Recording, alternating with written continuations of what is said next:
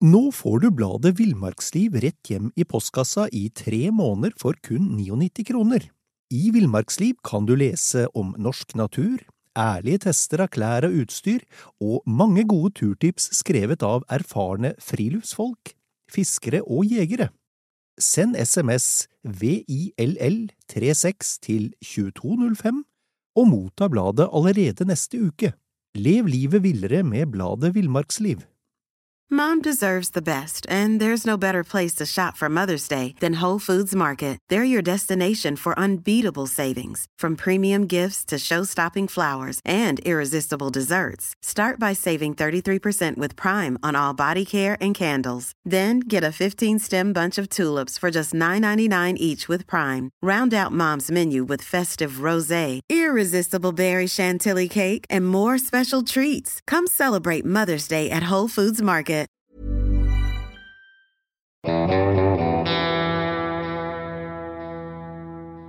Velkommen til podkasten Villmarksliv. Mitt navn er Knut Brevik, og jeg er redaktør i Villmarksliv, jakt og fiske. I dag skal vi snakke om Våpen-Norges rockestjerner, børsemakerne. Eh, Og sammen med oss er børsemaker Ragnar Hansen fra Vestfossen. Eh, Ragnar har håndtert flere våpen enn de fleste, og det er en grunn til at han av mange bare kalles Magnum-Hansen. Det med Magnum skal vi komme litt tilbake til, men, men først, Ragnar. Hvorfor ble du egentlig børsemaker? Ja, det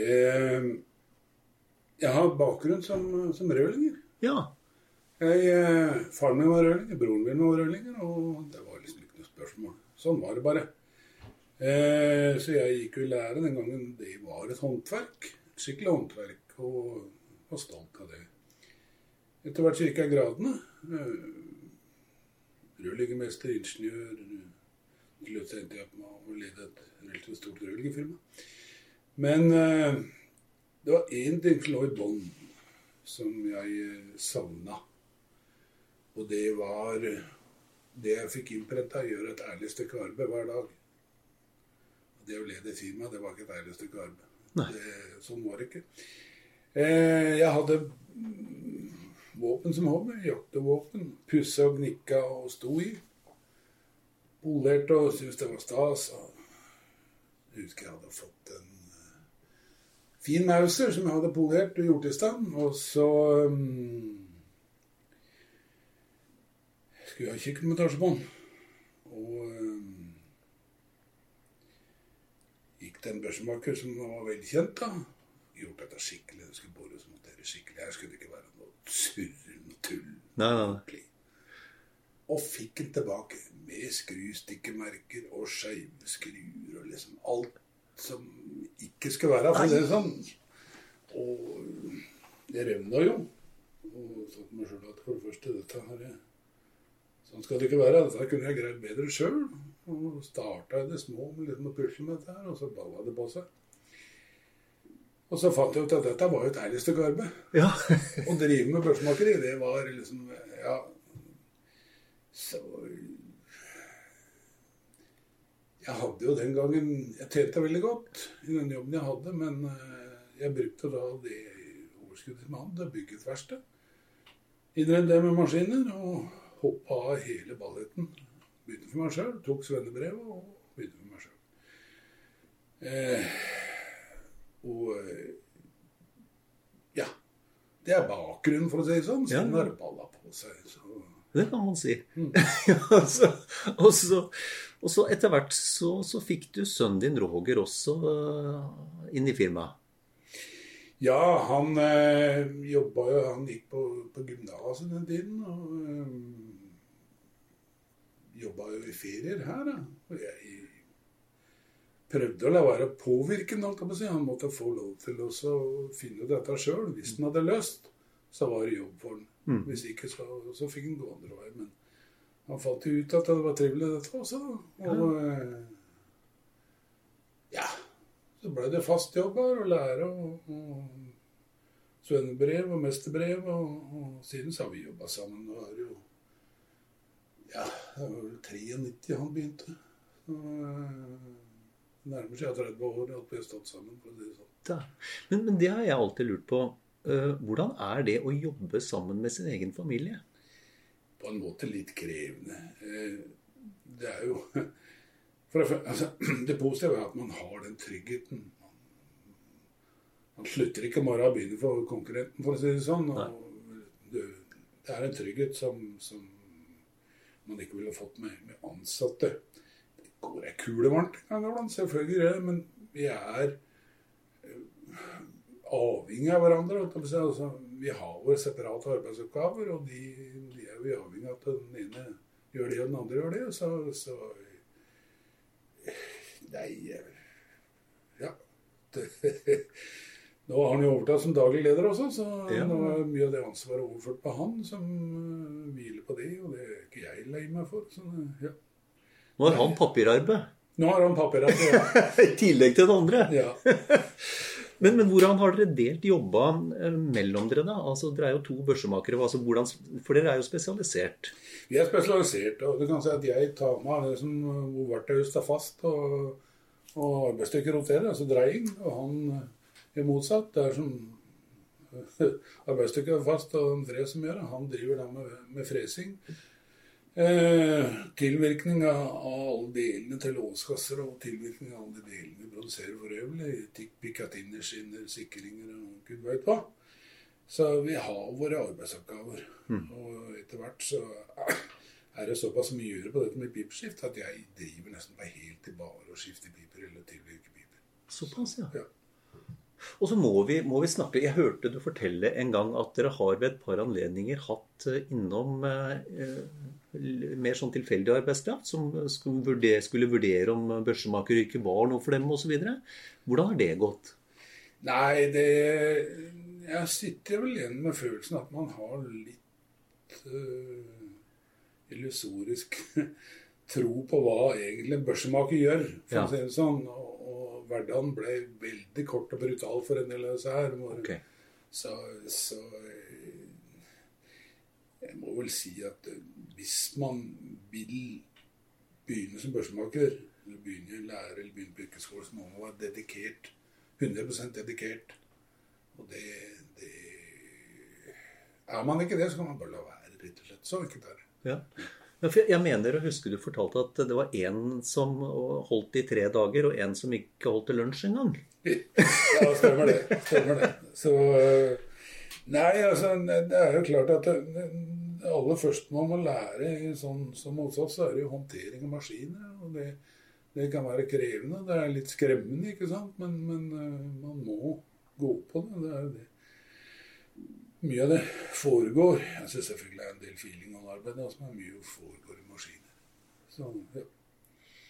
Men men det her med, det her med børsemakeryrket, Ragnar. Hva, altså, hva, hva er det som kreves for å bli børsemaker?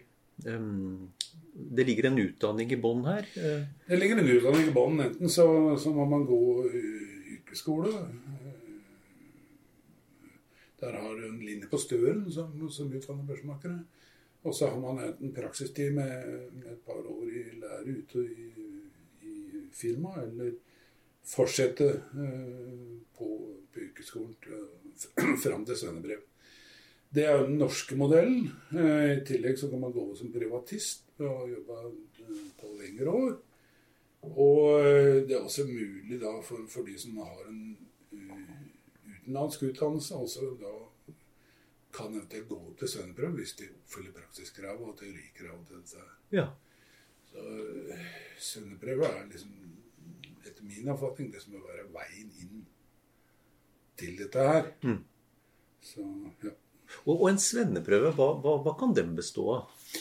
Eh, det, nå står det faktisk opp til fritt nemndene. Eh, det er to nemnder i Norge nå. Å bestemme det, men, men man har bibeholdt mye av den klassiske sønneprøve, hvor man tilvirker en sidelås. Akkurat.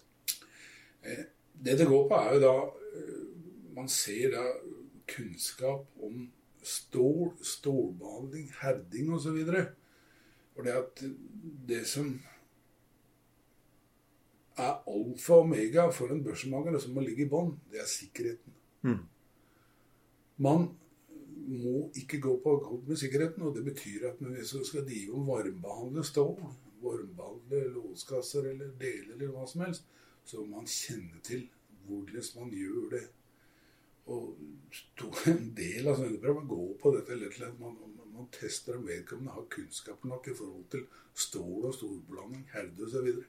Det er klart, eh, flyr ei børse i været, så, så, er det store konsekvenser. Kan det skje ting? Det kan skje ting, og det er ikke noe særlig trivelig. Alfa og omega er kunnskap. Mm. Metallurgi, stål, varmeballing osv. Mm. Så selvfølgelig det er andre ting, aspekter i børsmakeryrket, men, men, sikkerhet må komme i førersett punkt én. Ja, ja. Og en sånn sidelås når man skal starte å jobbe den opp fra, fra bånn, holdt jeg på å si, hvor, hvor, lang tid har de på, den, på det arbeidet? Fortsatt så er det vel så vidt jeg vet tre uker. Ja. Eh, det er gitt en disp der for at man skal få lov til å jobbe så lenge. Normalt så vil man ikke tillate det, men, men eh, den skal jo først tegnes og så etterpå produseres. Så um, Det er en del andre elementer i den i sønneprøven også. Som sagt, det er jo nevnt, det står jo fritt til å, plukke dette her. Lage litt variasjon på det. Mm. Men, eh, men i min oppfatning så er det viktig at man har et aspekt dette med sikkerhet, at det ligger i testen der. Mm. For å kontrollere at uh, kandidaten har en rette forståelse av materialteknikk og sikkerhet. Mm. og osv. Hvor mange, hvor mange børsemakere utdannes det sånn årlig da i Norge?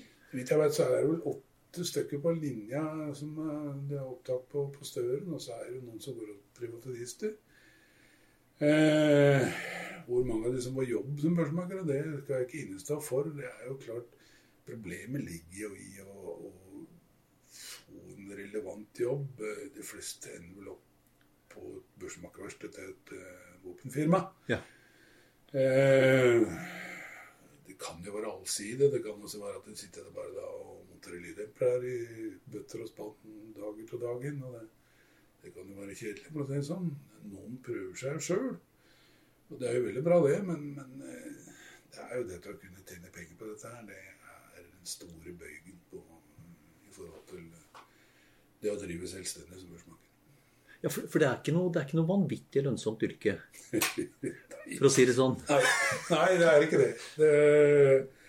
det. er klart, altså det er, Du jobber mot det private. Eh, og det er begrensa hvor mye man er villig til å betale for det. Det, det, det sier seg sjøl. Altså. Eh, vi har hatt noen kluss med noen CNC-dreiebenker her, og vi har hatt reparatør inne som da tar 1800 kroner timen.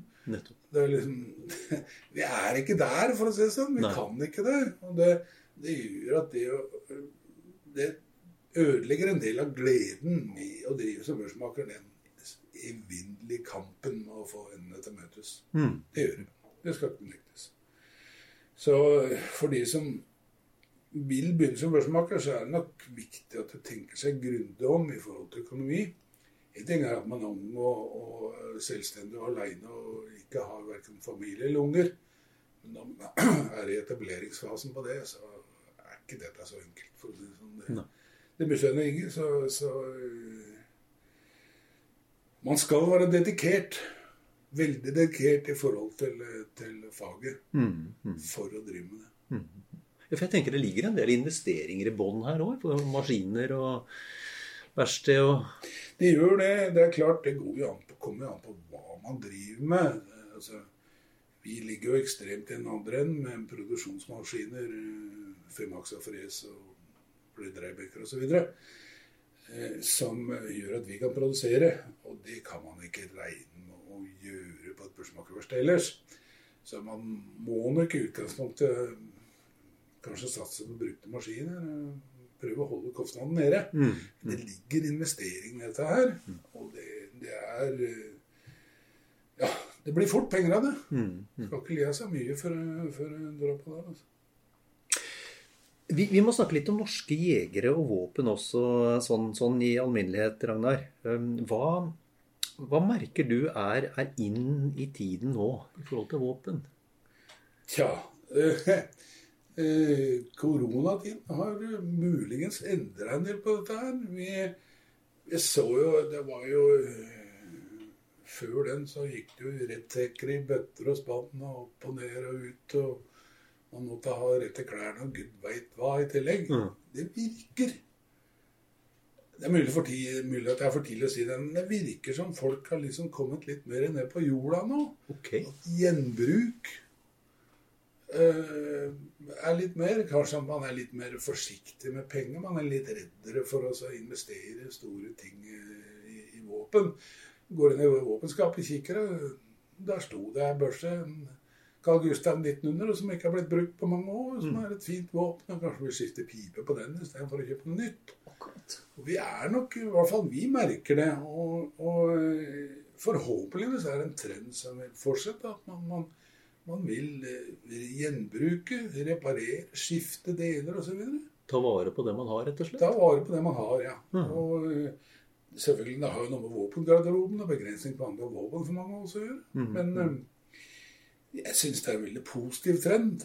Eh, selvfølgelig, det er farva av meg som børsmaker, det er jo. klart det. Men, men eh, det er en positiv trend som, som jeg håper eh, fortsetter. Og det, det, det er jo moro. Jeg syns det er moro når det kommer en kar med en slitt sauer som han er, eller en slitt Saco, eller hva det nå er.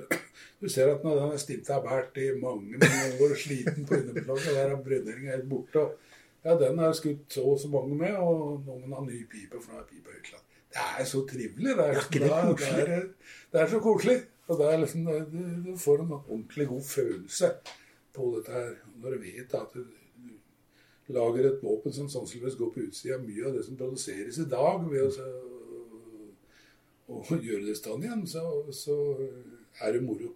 Det er jo skremmende at man har en utvikling mot uh, bruk og kastvåpen, hvor du ikke kan skifte piper, og delene er støpt fast, og det er plastikk og aluminium og alt mulig annet enn det det egentlig burde være. Jeg syns det er skremmende. Men det er morsomt det du sier med, med korona, Ragnar. For det, det, nå er vi jo på en måte litt på vei ut av det, har de fleste inntrykk av. Men det, men det gjorde nok noe med oss. Jeg tror det. Jeg tror det. Ja. Folk er eh, mer laidback back og faktisk mer snille. Er ikke den der aggressive tonen. Jeg merker ikke det. Og liksom, eh, når jeg sier at eh, ja, nå har vi mye å gjøre, så det tar åtte uker å få skifta ei pipe. Ja, ja, det får ta tida si. Før korona så Nei, dette har ikke jeg tid til. Så eh, liksom, det, ja. Det har gjort noe med pulsen, rett og slett. Jeg har gjort noe med pulsen og gjort noe med innstillingen både til, til liv og til, til forbruk, tror jeg. Man innser at det, vi må ut av dette her bruk- og kastsamfunnet. Mm. og at børsmakeren da er en naturlig samarbeidspartner for oss å kunne holde liv eller rehabilitere eller endre eller så videre. Det er Ja. klart det er masse muligheter. Man.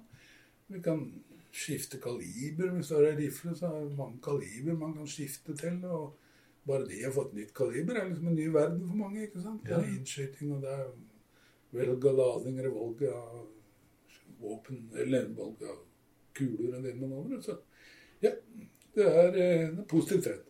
Men bare når vi er på det sporet, kan du ikke, for, kan du ikke si litt raskt hva altså, Det her tror jeg ikke mange er klar over. Altså, for Børsmakerne kan jo gjøre veldig mye for, for, eh, for jegerne og våpengarderoben deres. Altså, hva, hva, hvilke, hvilke tjenester er det dere kan tilby sånn Ja, det er jo i utgangspunktet selvfølgelig reparasjon. Man har knekt et eller annet eller, brukt et tennstempel eller et eller annet. Det er jo, det er en sak. eh, Så er det jo det at eh, på rifler så er det jo at man, man kan skifte pipe. Man kan skifte kaliber innenfor en gitte rammer, som man hører med børsomganger nå. Man kan montere åpne sikter hvis man ønsker. Man fjerne åpne sikter. Du kan montere kikkert. og Det er element med kikkertmontasjer som liksom er det, det er vel en av de store feilene vi ser, at dette her blir jo veldig lite fagmessig utført. eh, Enten av, man, enten av kunden sjøl, eller at den som skrur fast ellers ikke har kompetanse på dette her. Som gjør at det, det blir jo ikke marginalt, for å si det sånn. Så der bør man ta seg en tur og få gjort det skikkelig. hva men bare mens vi holder oss der et øyeblikk, hva er det folk gjør feil når de monterer, skal montere kikkerten sjøl? Ja, For det første så er jo det at, at eh, det er jo relativt tunge kikkerter i dag. Mye tyngre enn det, de, de skjefteskruene Nei, de kikkertskruene som eh, montasjeskruene som har brukt det. det er jeg fra noen og 30 eller noe. så det, det begynner, Den gangen så veit kikkerten omtrent ikke noe. Ikke montasjen heller. Det var snille rekyl. I dag så er kikkerten kanskje en kilo. Mm. Og rekyl og det ene med det andre. Fortsatt så er det da den samme dimensjonen på de skruene. Det For det blir en tung bevegelse? det blir en tung bevegelse. Det er en veldig sur opplevelse å se da kikkerten eh, forsvinne over skuldra i lav høyde når du drar i avtrekkeren. Så eh, I tillegg så fins det da aluminiumskasser, som også da har svakere struktur. Det er klart at dette må, må skrus skikkelig fast. Det må, det må limes skikkelig, og det må, det må, rettes opp. Og toleransen er der.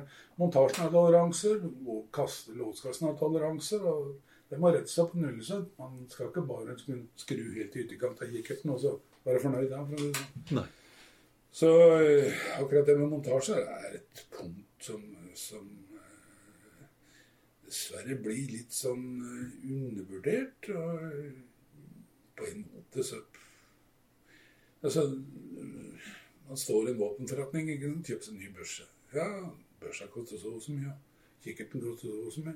Ja, montasjen, da. Nei, den skal du opp i kjøpet. Akkurat. Ja. ja. ja. Viktigste biten av alt. Ja. biten. og da forteller det om hva kvaliteten er på den montasjen.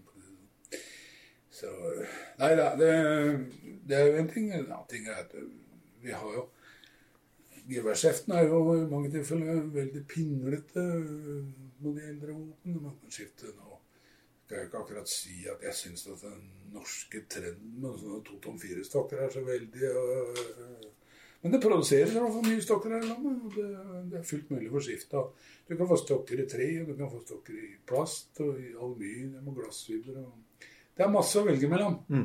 som gjør at man kan finne et bedre utgangspunkt for, for dette her. Mm. Så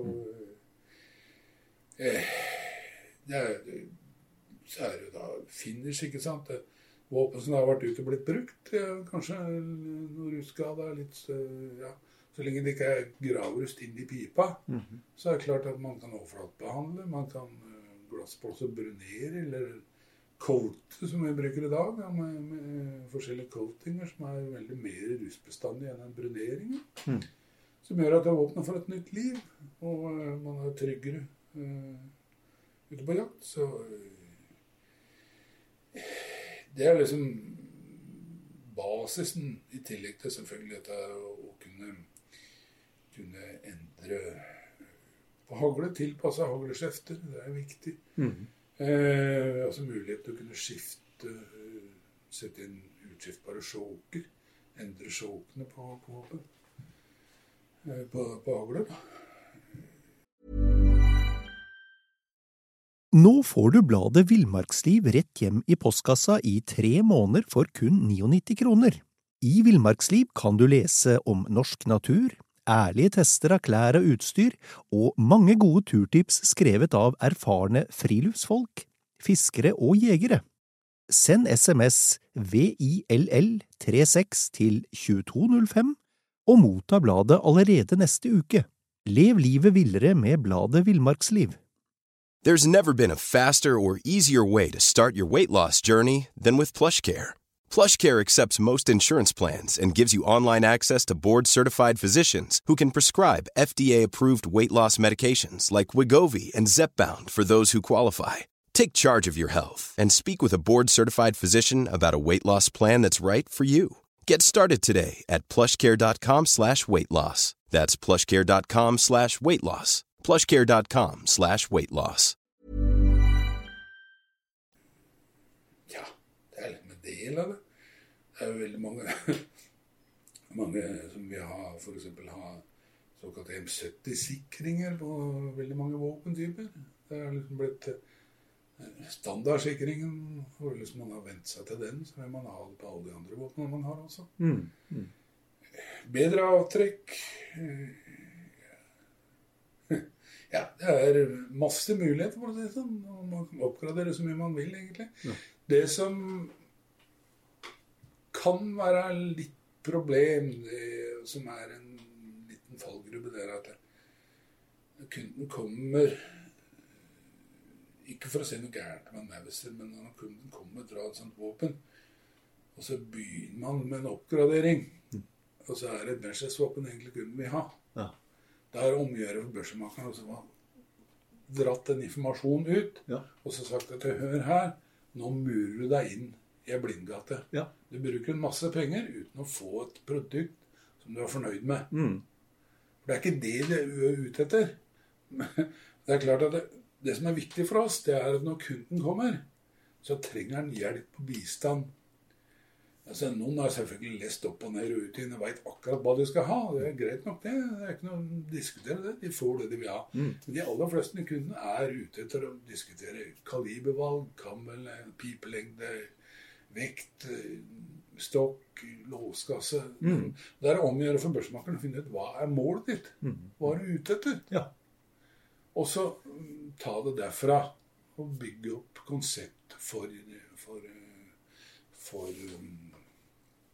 kunden på den måten. ja. Tar de imot den type innspill, eller når du prøver Ja, Ja. Altså, som sagt, det er noen som Det er et veldig lite mindretall som har liksom absolutt bestemt seg. Men er, de kommer for å få en dialog, og det, det er det som er målsettingen vår. for å si det sånn. Kunne hjelpe dem få et produkt som, som kunden er fornøyd med. For det, at det, det vi selger Altså, vi selger jo et ombygd våpen, en ny pipel og sånn. Men det vi, viktigste vi er jo gode følelser. Mm.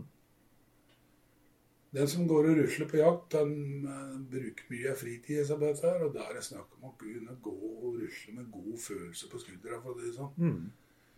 Det er det viktigste. Sørge for at kunden har noe han er trygg på, og som han har gode følelser med. Da har han en fornøyd kunde. Og det er morsomt at du sier det, Ragnar, fordi alle, alle veit jo at jakt og skyting har veldig mye med selvtillit å gjøre. Ja. Ja. Tror du på børsa di? Får du til alt, da? Ja, det gjør det. Og det kan jeg si at det, for oss er det jo viktig altså, Fabrikkvåpen er jo lagd for alt fra små pingler til svære bamser, for å si det sånn. Det, det passer jo ikke. Og for oss er det mulig, som børsmaker har vi muligheten å individuelt tilpasse våpenet til hver enkelt. Det er klart at det, presisjonen i våpenet blir økt pga. det. Har du et våpen som passer deg, så er det tryggere, og du skyter bedre. Og Det gjør også at øh, vi reduserer øh, skadeskytinga. Ragnar, det her med Magnum-Hansen, hvor kommer det fra? Eh, Den gangen jeg begynte, så, så fantes det nesten kun ei ikke, en mangelrifle. Det var, det var Bruno 375. Bruno 16-2-375. Så de første åra så, så var det et kolossalt vakuum. Så jeg gjorde omtrent ikke annet enn å bygge mange. eh, veldig mye til Afrikabruk. Og si, hadde alle disse børsene blitt brukt i Afrika, så hadde det ikke vært elefant 3, holdt jeg på å si. Men, eh, men i hvert fall, det, det var et kolossalt vakuum. Så jeg snekra bøtter og spann og alt mulig. Det var jo det var en trivelig tid, for å si det sånn. Ja. Eh, nå fins det jo et vell av utbud på det, segmentet også. Men altså, det har jo roa seg, dette Magnum eh, Hva skal jeg si eh, Hysteriet som var. Og du kunne jo ikke drepe vilt hvis du ikke hadde Magnum, for da, da fikk du hydrostatisk sjokkvirkning i dyr. Det, ble omtrent sprengt, det er min følelse. Så ikke noe gærent for så vidt med, med Magnum. Det, det, det kan ha sin misjon. Det er flattskytende og, osv., men det krever jo kuletyper, og det krever at driver, vet hva man driver med.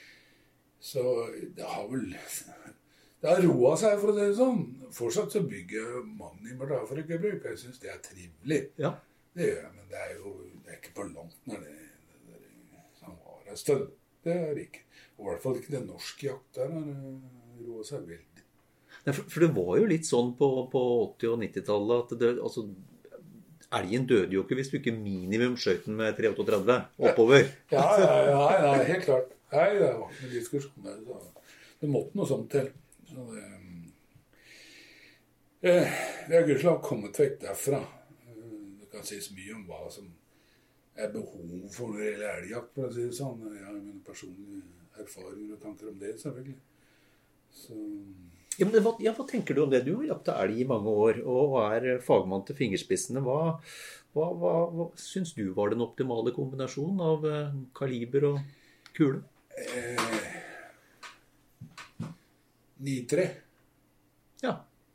i bøkken går så jækla fort, men eh, 9-3 eh, Jeg brukte 250 gress Nosler. Ja. Disse her sofajegerne vil sikkert si at den har lavere restverdekt, og det er ikke noe måte på. Men det som er trygt med den, er at eh, 250 gress Nosler i dag, samme som en 250 gress Nosler som var for ti år siden, trygt, solid, fungerer. Og grunnen til at jeg brukte 9-3 er jo Altså, har du ideelle skudd, treffer vitale organer, så spiller det egentlig ingen rolle hva du bruker. Nei. Du kan bruke 6,5 eller 10 minutter eller. Men i de tilfellene hvor du har skudd hvor du ikke har truffet vitale organer, hvor det går på å drenere dyret for blod, tappe den for blod, på kortest mulig tid, så er det klart at, det- at det- dess grøvere kulene har, dess bedre, større sårkanal produserer, og dess fortere renner blod ut av den. Og det blir større hull i skinnpelsen også, som gjør at, eh, at eh, det renner bedre. Og eh, det er naturens lov. Det bør ikke gå så jævla fort, men sånn er det bare. Og derfor så, så er jeg tilhenger av litt grove kuler. Det, og det, det er klart, jeg har jo pratet med mange elgjegere rundt omkring i landet, og, jegere generelt. og det er liksom Særlig det som da har tilhengere av mindre kaliber. Det, det skjer noe den gangen du har jagd en storokse over neste prestegjeld, påskutt med et mindre kaliber, du ikke finner den igjen. Mm. Da skjer det noe med deg i huet, for å si det sånn. Da kommer du og skal ha et større dreiliber. Det er erfaringa min. for å si det sånn. Så mm, det har noe med trygghet i forhold til lengden. Det er selvfølgelig også dette her med, med kvist osv. At stabiliteten sannsynligvis er bedre på sånne kuler i forhold til når du treffer en kvist hvis du ikke ser det. Så, ja. Du har jo gitt deg med jakt. Hva var grunnen til det? Nei, jeg har uh, vært og hilst på mannen med Jon et par ganger. Jeg var uh, sykdom som gjorde at uh, det var liksom Siste tilfelle var et spørsmål om minutter og timer. Det gjør noe med deg mentalt. Så skrivende stund så greier jeg ikke å ta liv. Nei. Det, det er nesten sånn at jeg er vanskelig for å fiske, nesten. Så, men for å si det sånn, jeg savner det. Og jeg håper at jeg liksom eh, på en måte kanskje kommer tilbake når jeg kan jakte. Men i skrivende så greier jeg det ikke. Jeg greier rett og slett ikke å ta liv. Men det er ikke dermed sagt at jeg er mot jeger eller mot jakt. Og jeg syns jo det at, det at det å kunne spise viltkjøtt øh, elg eller et villsvin eller hva som er, som har gått der i fred og ro og fått ei kule i panna og er død, hatt et mye lykkeligere liv enn en, eh, disse dyra som da står på en bås eller en binge eller hva som helst i livet sitt. da, Har en skrekkopplevelse på slaktehuset. Så sådan sett så, så har jeg ingen motforestillinger mot, eh, mot jakt. Men jeg er såpass gammel og gammeldags at, at jakter man, så jakter man for kjøttets skyld. Ja. Det var liksom det vi fikk innprenta. Ja. Og det syns jeg er et viktig, en viktig ting.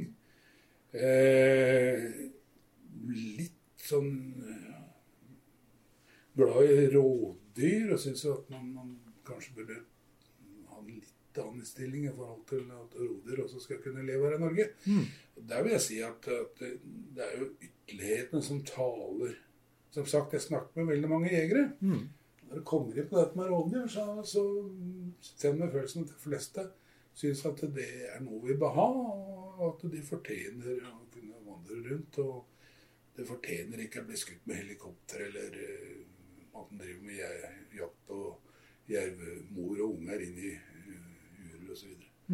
Så det Men, men det du sier, Ragnar, med, med at du, du har slutta å jakte, det, det er jo en, en helt ærlig sak. Hva, hvordan, hvordan opplever du at eh, folk rundt reagerer på det? Jaktlaget f.eks. Er det forståelse for det at man etter et langt liv som jeger eh, velger å ikke jakte? Ja, for så vidt. Du kan si at man, normalt så er det fordi at man er fysisk sliten og ikke orker å jakte mer. Men I mitt tilfelle så er det det at, at det er eh, psykiske årsaker. Altså Ja, ja. At man, man opplever å komme så nær inn på døden, så, så skjer det noe oppi huet på en. si. Og Ja, det er ikke at noe plager med Ingen som ikke respekterer det, for å si det sånn. Det håper Skulle bare mangle. Ja. bare mangle. Så nei, det, det ser jeg ikke på problem. Det er ikke vært noe Men eh, jeg føler heller ikke at, at kundene kikker rart på meg, for å si det sånn. Det, det, som sagt, jeg har ingen motforestilling om at, Nei, eh, folk jakter. Det synes jeg er helt rett. Så, du kan si at det, sådan sett så er det jo for min del Jeg prøver jo presentivt å produsere børser som er, har en bedre presisjon, både rent presisjonsmessig, og som har tilpassa seg kunden, som gjør at sjansen for skadeskyting da blir mindre. Ikke sant? Så det er også et moment som gjør at man Jeg tror ikke det blir skutt mindre dyr fordi om ikke jeg, jeg ville være børsmaker. for å si det sånn. Når vi snakker om jakt, du, eh, du var jo god venn med og jakta i mange år med skribenten, forfatteren og, og våpenlegenden, må vi nesten si, Svein Solli, som, som jo døde så altfor ung. Hvordan var det? Altså, For det første vil jeg si Svein var et eh, fantastisk menneske. Han øh, var den sjeldne arten dønn ærlig journalist. Mm. Eh, rakrygga. Eh, jeg har Som regel så blir du irritert på et eller annet på et menneske, men, men jeg har veldig lite eh, Jeg er bare positiv til å si om Svein. Eh, Når det gjelder han og, og jakt, og særlig da etter at han ble sittende i rullestol, så har jeg et par historier som jeg gjerne kunne fortelle. Ja. Eh, første er eh, da eh, jeg fylte 50 år. Ja. Det fyller jeg da første uka elgjakta.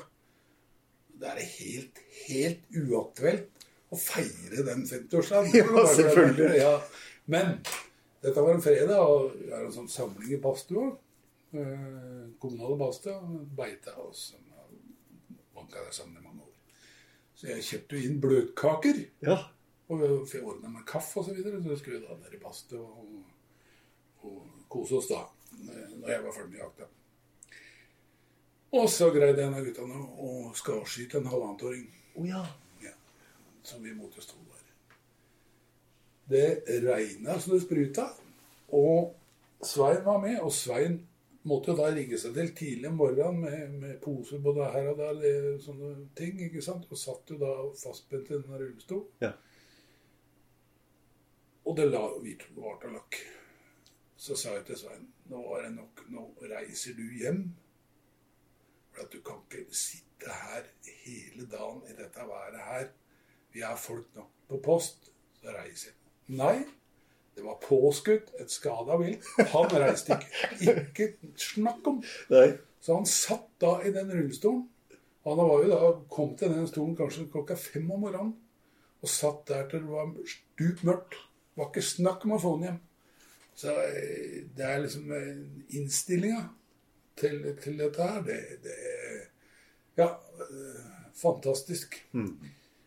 Og så eh, var det en annen gang, så eh, Denne rullestolen var jo relativt små hjul. Elektrisk veide det 250 kilo eller noe sånt, dette eh, greiene. Så jeg måtte plassere den på, på steder hvor, på poster som lå langs vei. ikke sant? Ja, ja, ikke kjøre inn i marka. Og så, så var vi et sted der, og så sa jeg til Svein at du kjører bort den veien her, og så ser du en post eh, Ja, greit.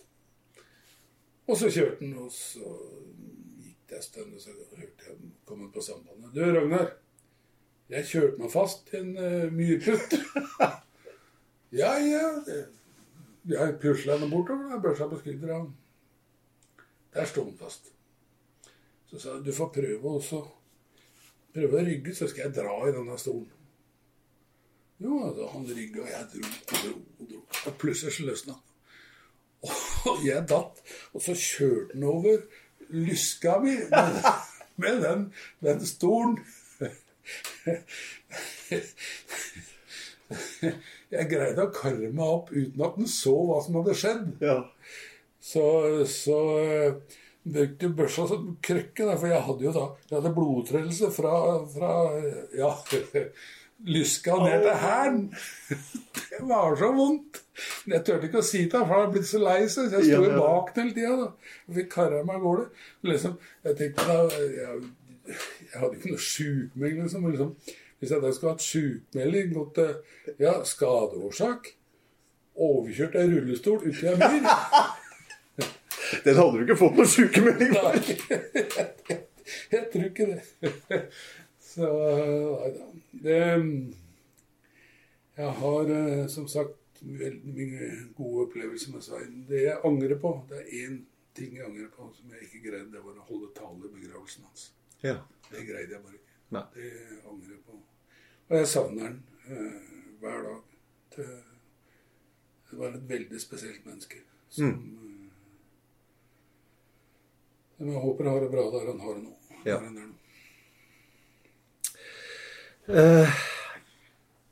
Ragnar, vi er, vi er nødt til å vi er nødt til å snakke litt grann om, eh, om Hansen-rifla også. Ja. Eh, Kan du fortelle litt om den? ja, det er jo eh, Målsettingen Hansen-rifla er jo laget låskasse som da er jeg håper å si, Det er ingen hensikt å lage en låskasse for å konkurrere med storprodusentene.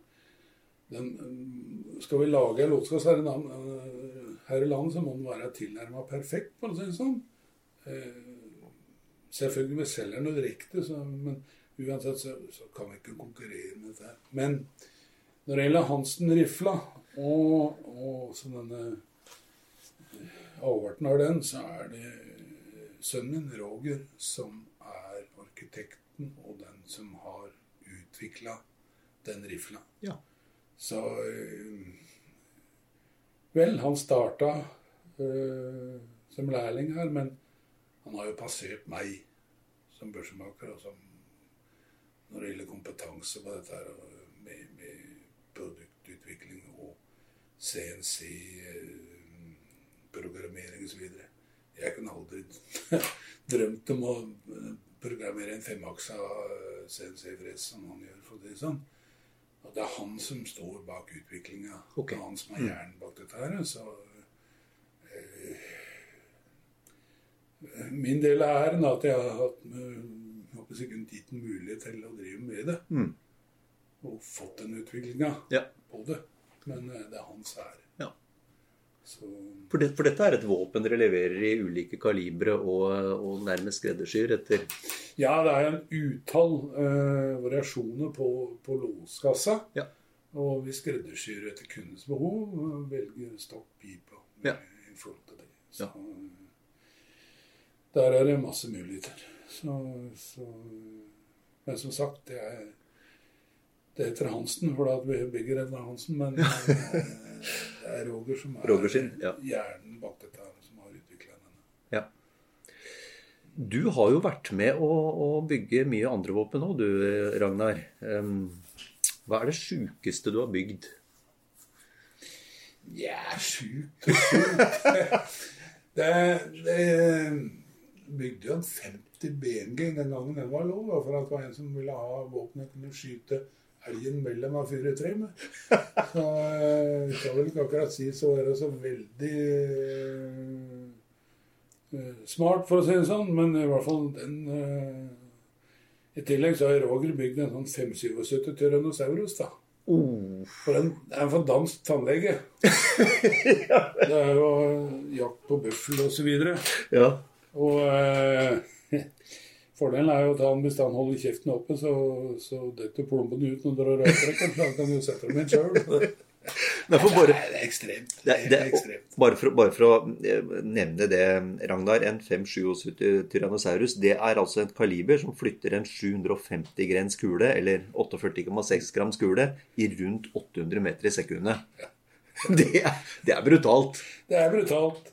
Eh, Det er en veldig liten glede å stå og dra, dra i den avtrekkeren. Sånn. Har du prøvd å skyte med? den? Nei, junior har skutt, men jeg Ja. Og hva var, hva var dommen fra, fra junior?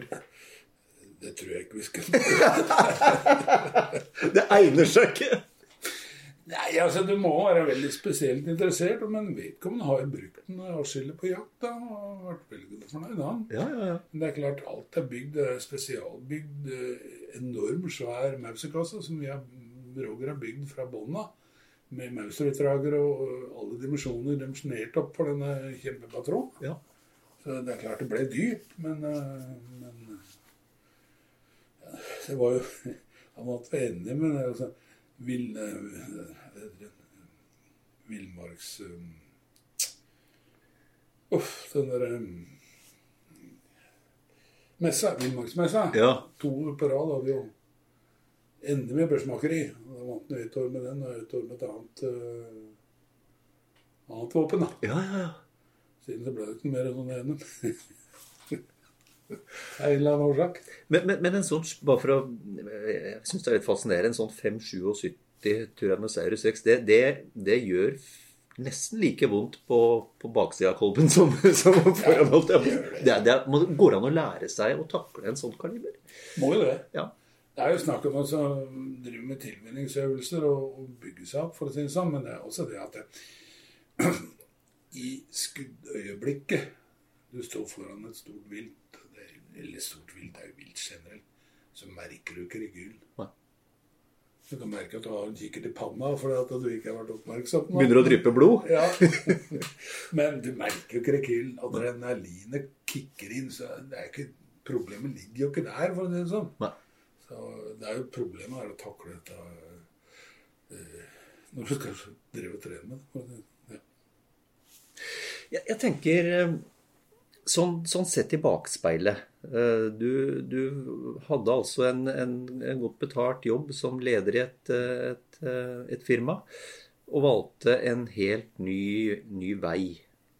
Altså, angrer du, eller eh, hva tenker du sånn ettertid? Nei um, Det har vært slitsomt, det med økonomien. Det har vært et mørk ting som henger over en konstant. Men ellers så må jeg si at eh, det å kunne gjøre et ærlig stykke arbeid, det oppveier for det. det har en, du har en frihet. Du har Du er en egen herre, for å si det sånn. Og eh, det er klart eh, Jeg er jo ikke akkurat den som legger fingeren imellom, for å si det sånn. Så jeg har bedt en del kunder jeg ikke har likt, å dra et sted hvor det går sånne ting vi strør på maten, sånn. Så, så eh, det, Nei, den, den friheten den ville jeg ikke vært foruten, for det sånn. Og det er klart, åssen er nå eh, så, Jeg driver primært og lager piper. Og med den oppstillingen jeg har, det maskineriet jeg har, så er jeg greier å lage det tilnærma toleransefritt. Det eksisterer omtrent ikke toleranse på dette her. Det er klart at den gode følelsen Mm. Når du da kan gå inn om kvelden og si at i hvert fall i dag har jeg gjort et ærlig stykke arbeid, det kan ikke lage det bedre, Mm, mm. da har du det godt. I hvert fall har jeg det godt, for å si det sånn. Så for de som da syns at det å tjene penger store bøtter og spann er det å ha det godt, så får de gjøre det. Men for meg så har jeg det godt. Sånn tror jeg en, en håndverker med stolthet på yrket snakker, Ragnar.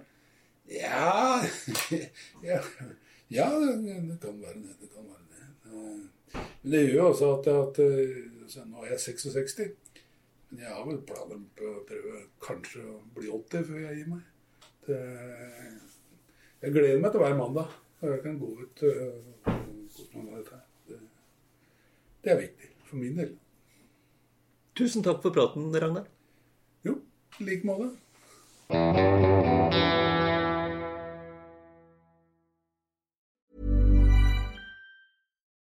Nå får du bladet Villmarksliv rett hjem i postkassa i tre måneder for kun 99 kroner. I Villmarksliv kan du lese om norsk natur, ærlige tester av klær og utstyr, og mange gode turtips skrevet av erfarne friluftsfolk, fiskere og jegere. Send SMS VILL36 til 2205 og motta bladet allerede neste uke. Lev livet villere med bladet Villmarksliv. Hi, I'm Daniel, founder of Pretty Litter. Did you know cats tend to hide symptoms of sickness and pain? I learned this the hard way after losing my cat, Gingy. So I created Pretty Litter, a health monitoring litter that helps detect early signs of illness by changing colors, saving you money and potentially your cat's life. Pretty Litter is veterinarian developed, and it's the easiest way to keep tabs on your fur baby's health right at home. Go to prettylitter.com and use code ACAST for 20% off your first order and a free cat toy. Terms and conditions apply. See site for details. Even when we're on a budget, we still deserve nice things. Quince is a place to scoop up stunning high end goods for 50 to 80% less than similar brands. They have buttery soft cashmere sweaters starting at $50, luxurious Italian leather bags, and so much more. Plus, Quince only works with factories that use safe, ethical, and responsible manufacturing. Get the high-end goods you'll love without the high price tag with Quince. Go to quince.com slash style for free shipping and 365-day returns.